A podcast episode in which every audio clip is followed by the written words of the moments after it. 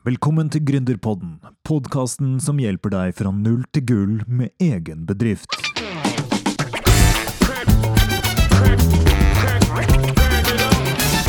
Hei og velkommen til denne rykende ferske episoden av Gründerpodden fra null til gull.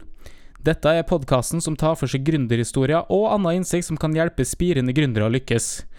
Vi snakker om vekst, produktivitet, markedsføring, ledelse, samarbeid, utfordringer, følelser, tap, vins, filosofi og alt imellom. Jeg heter Tor, og i dag har jeg med meg Vegard Løve fra økonomibloggen Løvedesign og Intention. Men først, dagens episode er sponsa av Hjemmesidekurset fra null til gull. Alle som har lyst til å lykkes med egen bedrift, trenger ei hjemmeside. Du kan representere en merkevare, bygge ditt personlige brand, selge produkter og tjenester eller dele dine tanker gjennom dine egne artikler. Det beste av alt er at du eier trafikken, ikke Facebook og Instagram, og du kan konvertere lesere og følgere til betalende kunder. Vi garanterer at du har din helt egne fiks ferdige hjemmeside oppe og gå på ti dager, eller pengene tilbake. Kurset finner du på nulltilgull.no. Hei sann, Vegard. Hvordan går det?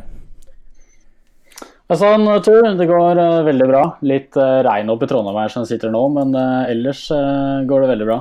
Ja, det er litt tåke, tåkete og litt sånn yrete i Drammen også? Ja. Det begynner å gå mot høst og mørkere tider, virker det sånn. Men du, kan ikke du fortelle litt om det sjøl og hva du gjør på for tida? Jo, det kan, det kan, jeg gjøre. Jeg er jo 23 år, kommer fra Drammen jeg òg, faktisk. Og jeg studerer nå oppe i Trondheim, på NTNU. Sivilingeniør innenfor byggteknikk. Har hatt ulike gründerprosjekter opp igjennom. Jobber nå i, som markedsføringsansvarlig i uh, Intention, en startup her oppe i Trondheim som er basert på NTNU. Uh, ja, og så er vi med på ulike prosjekter altså på hjemmebane som vi sikkert kommer til å gå litt nærmere inn på etter hvert her. Ja, det er helt riktig det. Uh, men før det så kan du jo fortelle litt om hva det var som fikk deg til å ville bli gründer? Ja, det kan jeg prøve, prøve å si litt om. For jeg har ikke et veldig godt svar på det. Jeg tror mye er tilfeldigheter og mye er interesser. Jeg tror den interessen av å skape noe eget har egentlig ligget i grunn helt fra, helt fra tidlig alder. At jeg har lett etter nye løsninger. Og det å skape noe eget da, har vært veldig triggende for min del. Og alltid, jeg har prøvd å skape nye ting hele tida, egentlig. Litt sånn kreativ sjel? Ja, du kan si det sånn. Jeg har jo lenge også Jeg har jo vært veldig interessert i både design og kreative ting også, så man kan dra det i de parallellene og også skape ting som er kreative og nye. Da. Det, det er veldig triggende. Og du jobber jo, som du sa, i startup-bedrifta Intention i tillegg til de andre gründerprosjektene dine som vi skal snakke om litt seinere. Men kan ikke du fortelle litt om hva dere prøver å oppnå med produktet dere utvikler, og hvilket produkt det er også? Jo, det kan jeg prøve å si litt om. Eh, kort sagt så prøver vi å endre måtene som mennesker interagerer med maskiner på. Eh, det høres ganske surrealistisk ut, men vi prøver altså Vi har jo sett på interaksjonen som vi har i dag med maskiner, så er det veldig tilpasset hvordan maskiner er lagd på. Så hvis man skal styre maskiner, så må man lære hvordan knapper fungerer, og hvilke knapper som gjør hva. Vi vil prøve å endre dette, så vi gjør det på menneskenes premisser, ikke maskinene.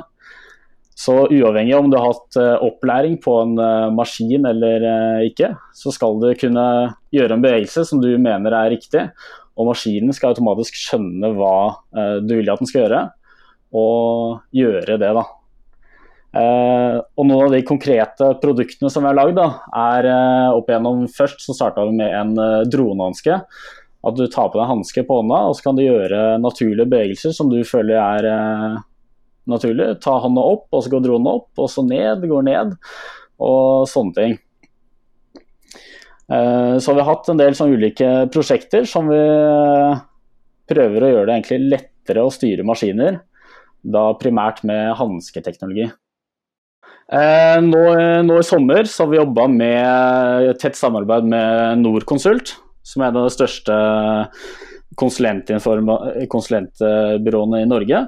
Uh, Jobba med de med å etablere den hansketeknologien som vi har hatt fra tidligere, eh, inn i VR, VR-miljø.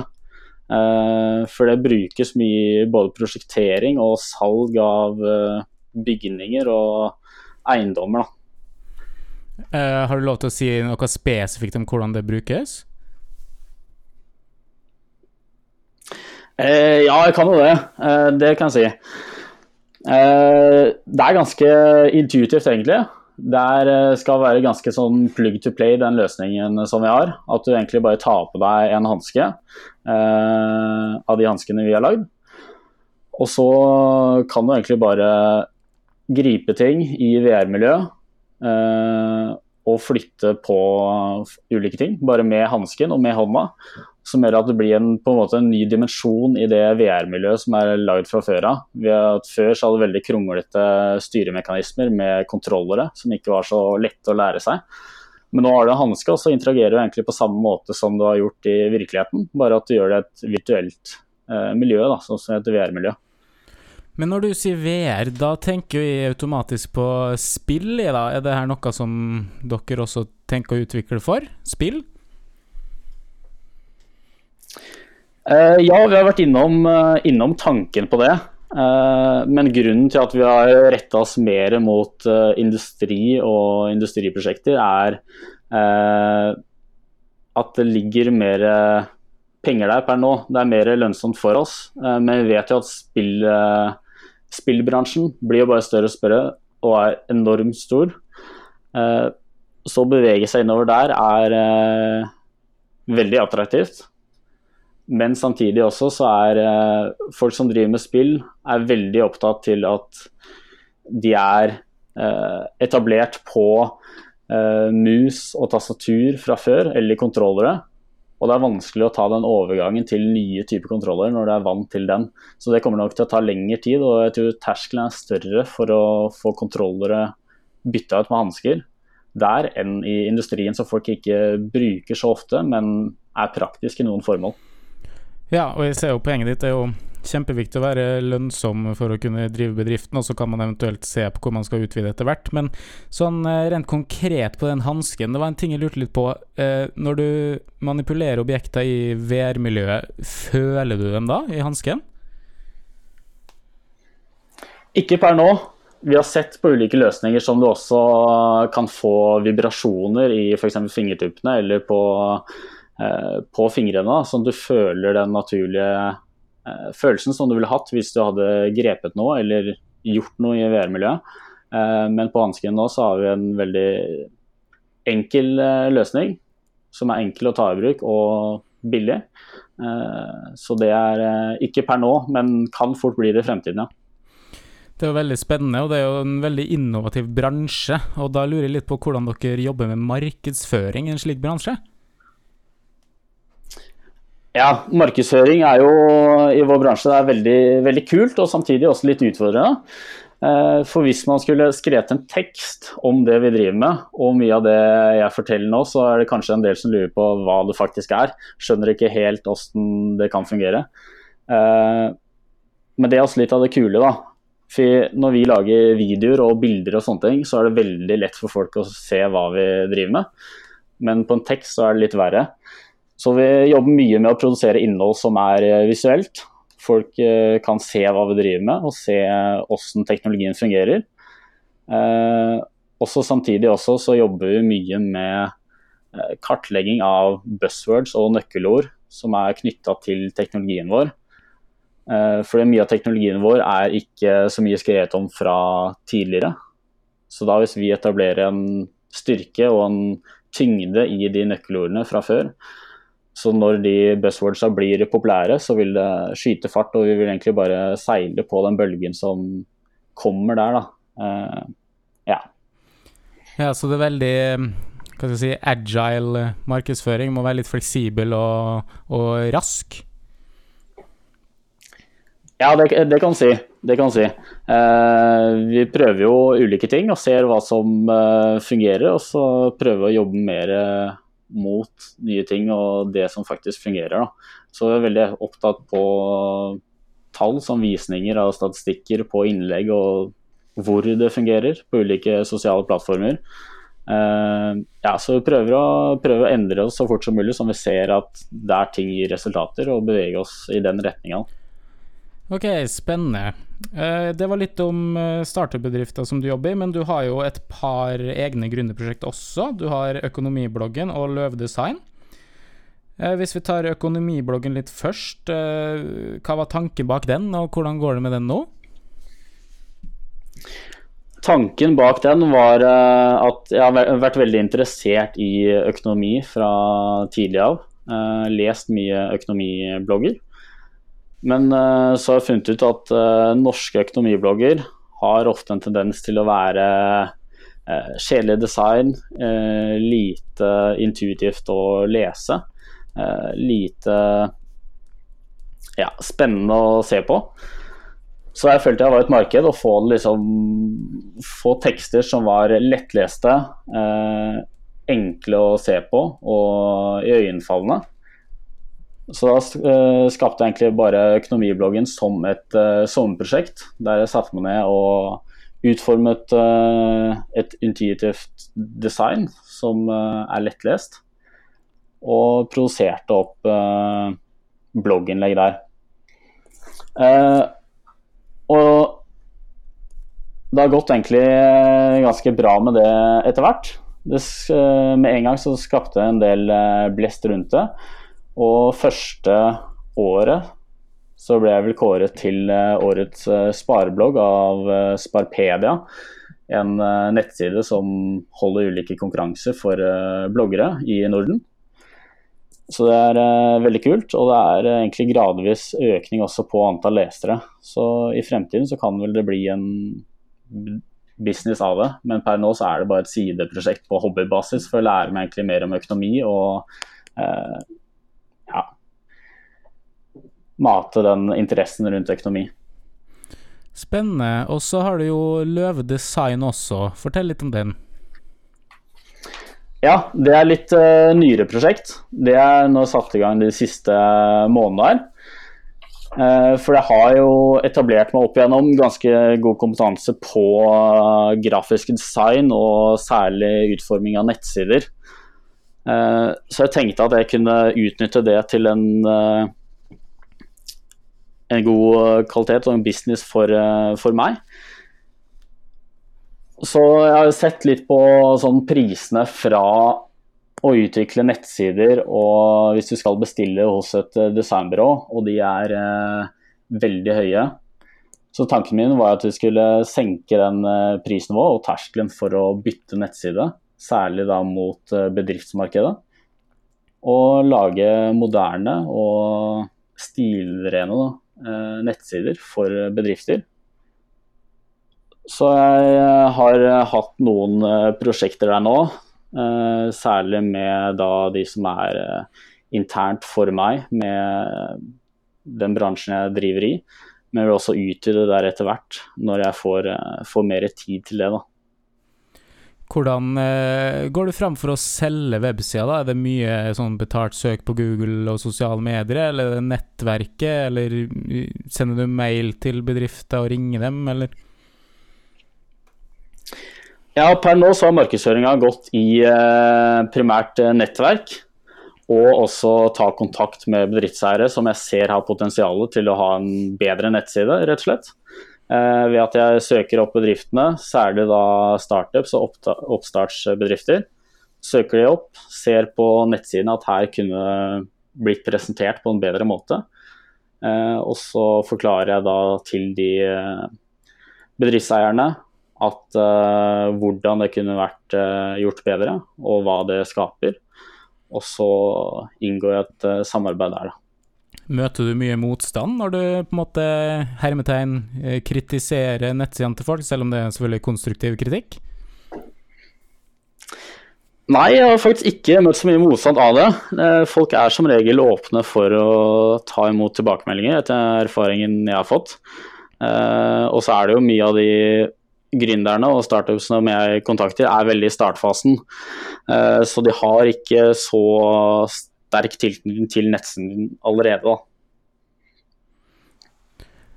Spennende. Um, da lurer jeg litt på økonomibloggen, uh, Løv Design, Intention, uh, kanskje andre ting jeg gjør også. Hvordan har du noen tips til folk som prøver å sjonglere mange prosjekt, eller bare en vanlig jobb og ett gründerprosjekt, f.eks.?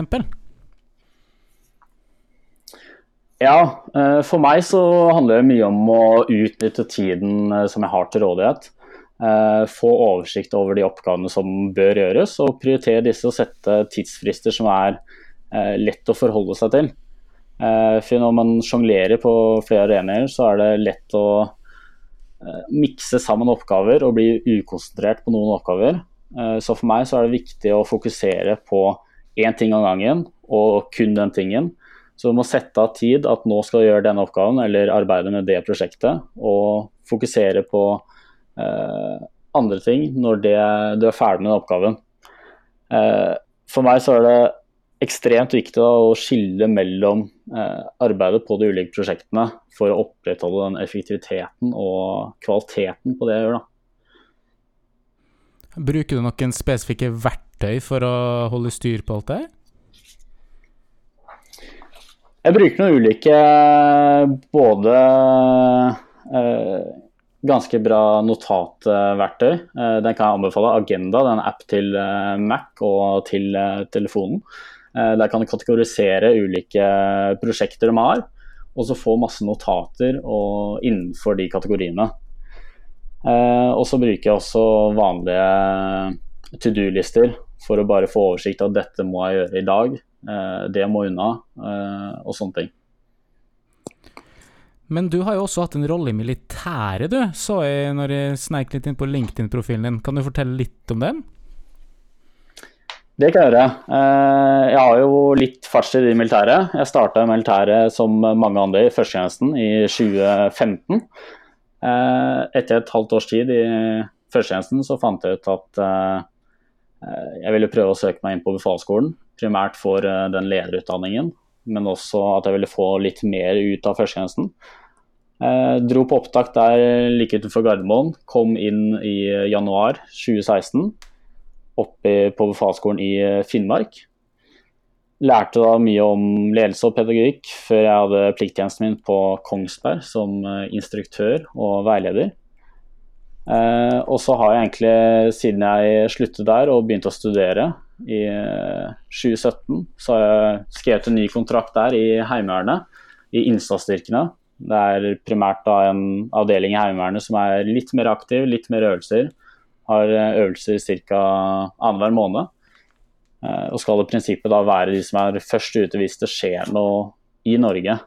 Så det har vært mye erfaring som jeg har tatt med meg, særlig da med lederansvar og det å ta, ta ansvar, rett og slett, i grupper. Så jeg har fått veldig mye ut av den tiden jeg er i militæret. Og det, det, at jeg fortsatt er der, det gir meg mye. Ja, for det lurte jeg på, altså hvordan de opplevelsene i militæret og de erfaringene du tar med deg derfra, hjelper det da spesifikt i gründerarbeidet ditt? Ja, jeg tror, tror, opplevelsen for Forsvaret som har hjulpet meg, den opplevelsen som har hjulpet meg mest, er uh, nok evnen til å faktisk bite tennene sammen og gjøre ting når det bør gjøres. Eh, ikke tenke for mye over hvordan det bør gjøres og eh, at det bør gjøres seinere og seinere og stresse over det, men faktisk bare gjøre det. Eh, det å ta ansvar og eh, faktisk gjøre ting er nok det som har tatt eh, den opplevelsen har gitt meg mest i militæret og tatt meg videre i gründerarbeidet. Så kan du tenke litt tilbake til da du starta med, med tanken om å bli gründer, er det noe du skulle ønske at du visste da, som du veit nå? Eh, da jeg starta med gründerarbeidet, det var jo for første gang i eh, Da var 15 år, tror jeg. Da starta jeg en slags eh, nettbutikk med salg av spillmaler til spillutviklingsprosjekter. Og da så visste jeg veldig lite om hva som faktisk var viktig med det å starte en bedrift. Jeg bare heiv meg ut i det, og eh, det gikk så som så. Eh, men etter hvert så har jeg fått mer innsikt i at eh, viktig å danne strategiplaner og forretningsplaner for en bedrift, og det faktisk selge inn eh, den bedriften og markedsføre på en god måte. Det er essensielt for suksess.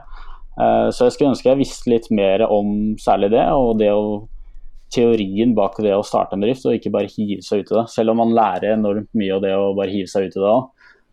Men det hadde nok vært mye lettere hvis jeg hadde visst litt om teorien bak det. Jeg tror veldig mange kan kjenne seg igjen i det å hives ut i nye prosjekter. og Da er vi jo litt inne på det med gründer som et gen, da, eller som en, en slags indre del av det som person. Tror du det er noe i det?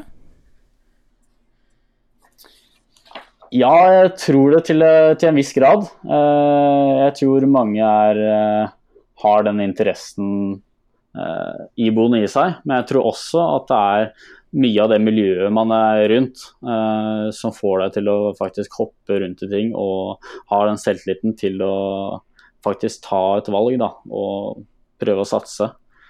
Så jeg tror det er kombinert, det tror jeg.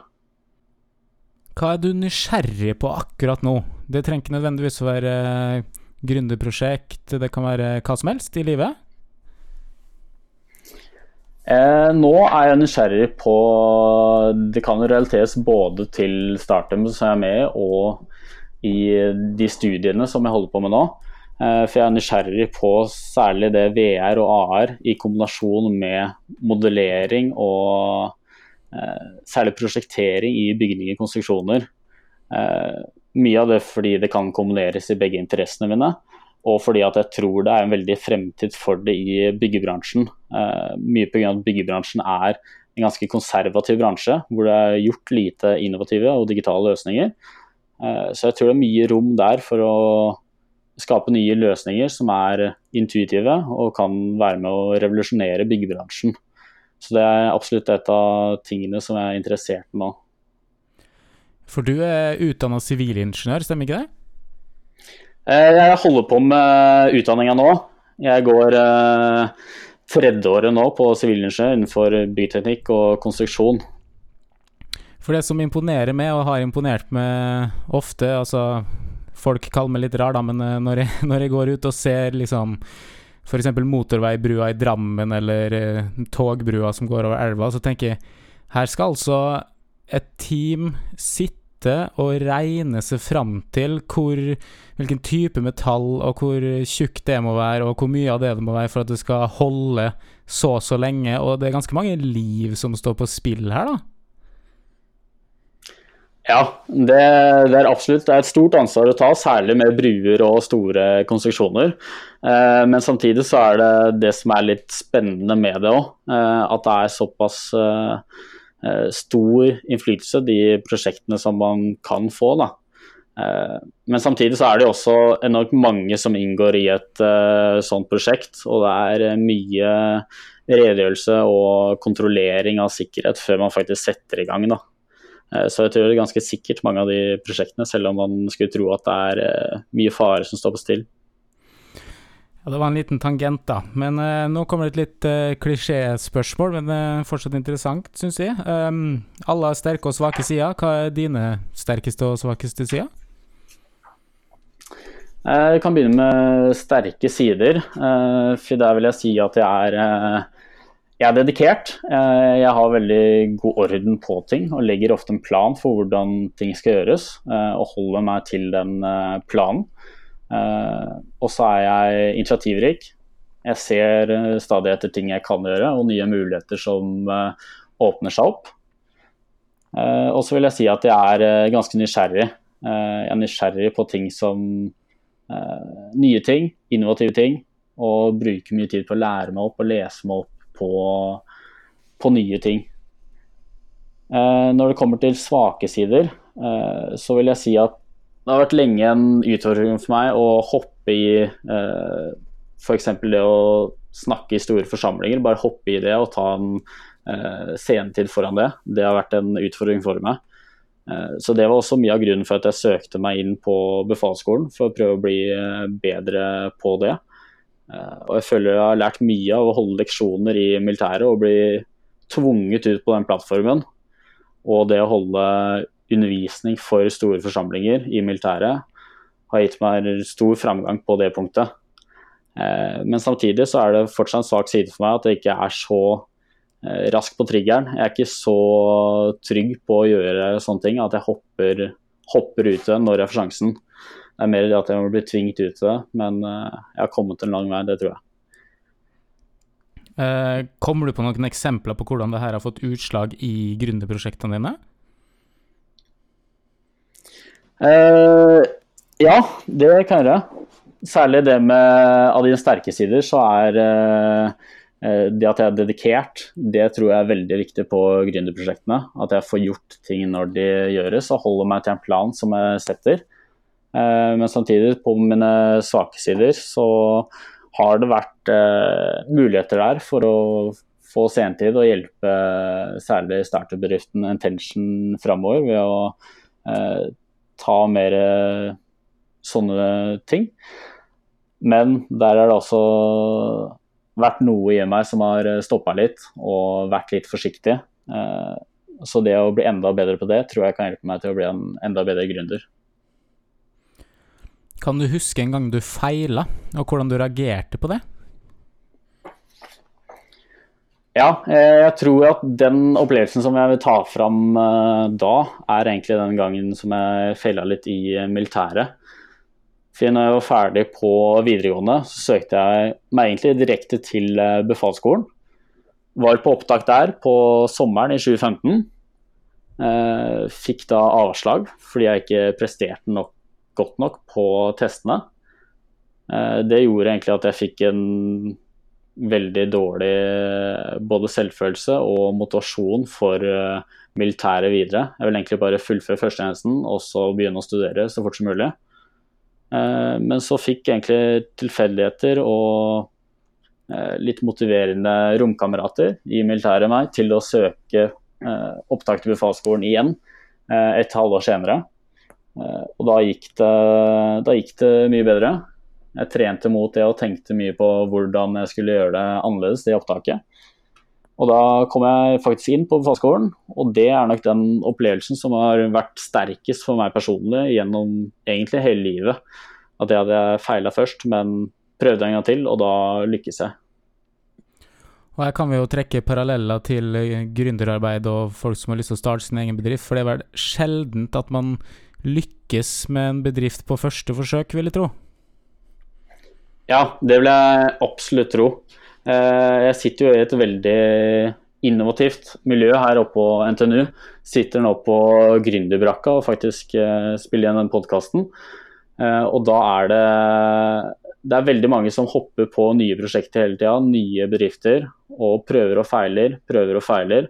Men til slutt så ser de at de får en enorm sum og suksess inn i selskapet.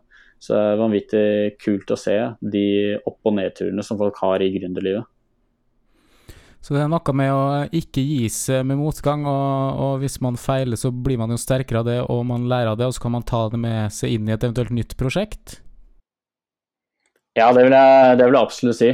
Man må lære av de eh, feila, eller de tingene man generelt gjør, og så ta det videre og forbedre seg til neste gang. Det tror jeg har enorm effekt. Er det noe mer du tenker at du har lyst til å formidle til spirende gründere? Uh, ja, jeg vil egentlig bare formidle at uh, prøv. Må prøve å hoppe i det og prøve å uh, prøve nye ting. Prøve å få mer innsikt i ulike ting. Og da går det egentlig som regel veien hvis man prøver nok. Da blir det suksess til slutt. Hvor eh, kan folk finne ut litt mer om det og det du driver med? Jeg kan eh, først og fremst søke meg opp på, på LinkedIn. Vegard eh, Løve der. Eh, ellers så kan man også sjekke ut eh, startup-bedriften som jeg jobber i, Intention. Akkurat som Intention, bare uten i. Eh, .com. og så kan man også sjekke ut økonomibloggen.com og løvedesign.no. Da anbefaler jeg alle som er interessert i å vite litt mer om det her, å gå inn uh, dit. Og så fikk jo du en oppgave i å finne en fun fact til dagens episode. Ja, eh, og den fun facten jeg vil eh, trekke fram da, det er at eh, jeg så en undersøkelse her fra Entrepreneur, en ganske stor amerikansk nettside, at to av tre, to av tre mennesker som var i den undersøkelsen, sa at gründer var en god karrierevei. Men når man ser på eh, oversikten over hvor mange gründere det er i verden, og Norge spesielt, så er det et svært få antall. Eh, så det betyr jo at det er mange som uh, syns gründer er attraktivt å være, og entreprenørskap, men de tør, ikke å ta steget ut for å faktisk prøve det selv. Eh, og det tror jeg man kan eh, lære noe av, og faktisk prøve å ta det steget ut, satse og prøve å bli gründer dersom man ønsker det. Ja, Det var veldig interessant, faktisk. Og da tenker jeg også at det er jo sikkert mange som sitter og ønsker og drømmer og, og liksom lever litt i framtida i sine egne tanker, og så ikke ta actions for å komme seg nærmere. Eh, og jeg snakka litt med Arne Guddal om det i en tidligere episode i podkasten, og tenker det at hvis man tilrettelegger litt livet sitt, da, selv om man har små barn kanskje og har masse økonomiske eh, krav som man må dekke inn med lønna si, så kan man få til én eller to timer hver dag, eller sitte litt i helga og, og, og prøve. Og man har jo Man kan jo bygge en bedrift nå på nettet, men det er jo veldig lav risiko eh, egentlig, hvis man bare tenker litt, eh, litt nytt, eller? Ja, det tror jeg absolutt er noe du eh, sier der, at det ligger mye i det. Eh, så lenge man prioriterer tingene riktig. Og, jeg sier at man, man skal nok prioritere familie og venner og bekjente først. Ikke sette jobb foran det, men at man setter av til til hobbyene sine og til å starte en bedrift. Da tror jeg man kan få til mye bare å sette av kort tid om gangen. Så bra. Da tror jeg vi kan runde av der. Tusen takk for at du kom, Vegard. Veldig hyggelig å være her, Tor. Og til alle der hjemme, ikke glem å sjekke ut hjemmesidekurset vårt på nulltilgull.no. Og ikke minst, følg den podkasten her for flere interessante intervjuer med større og mindre personligheter som har noe å dele til alle som ønsker å lykkes med sin egen bedrift. Snakkes!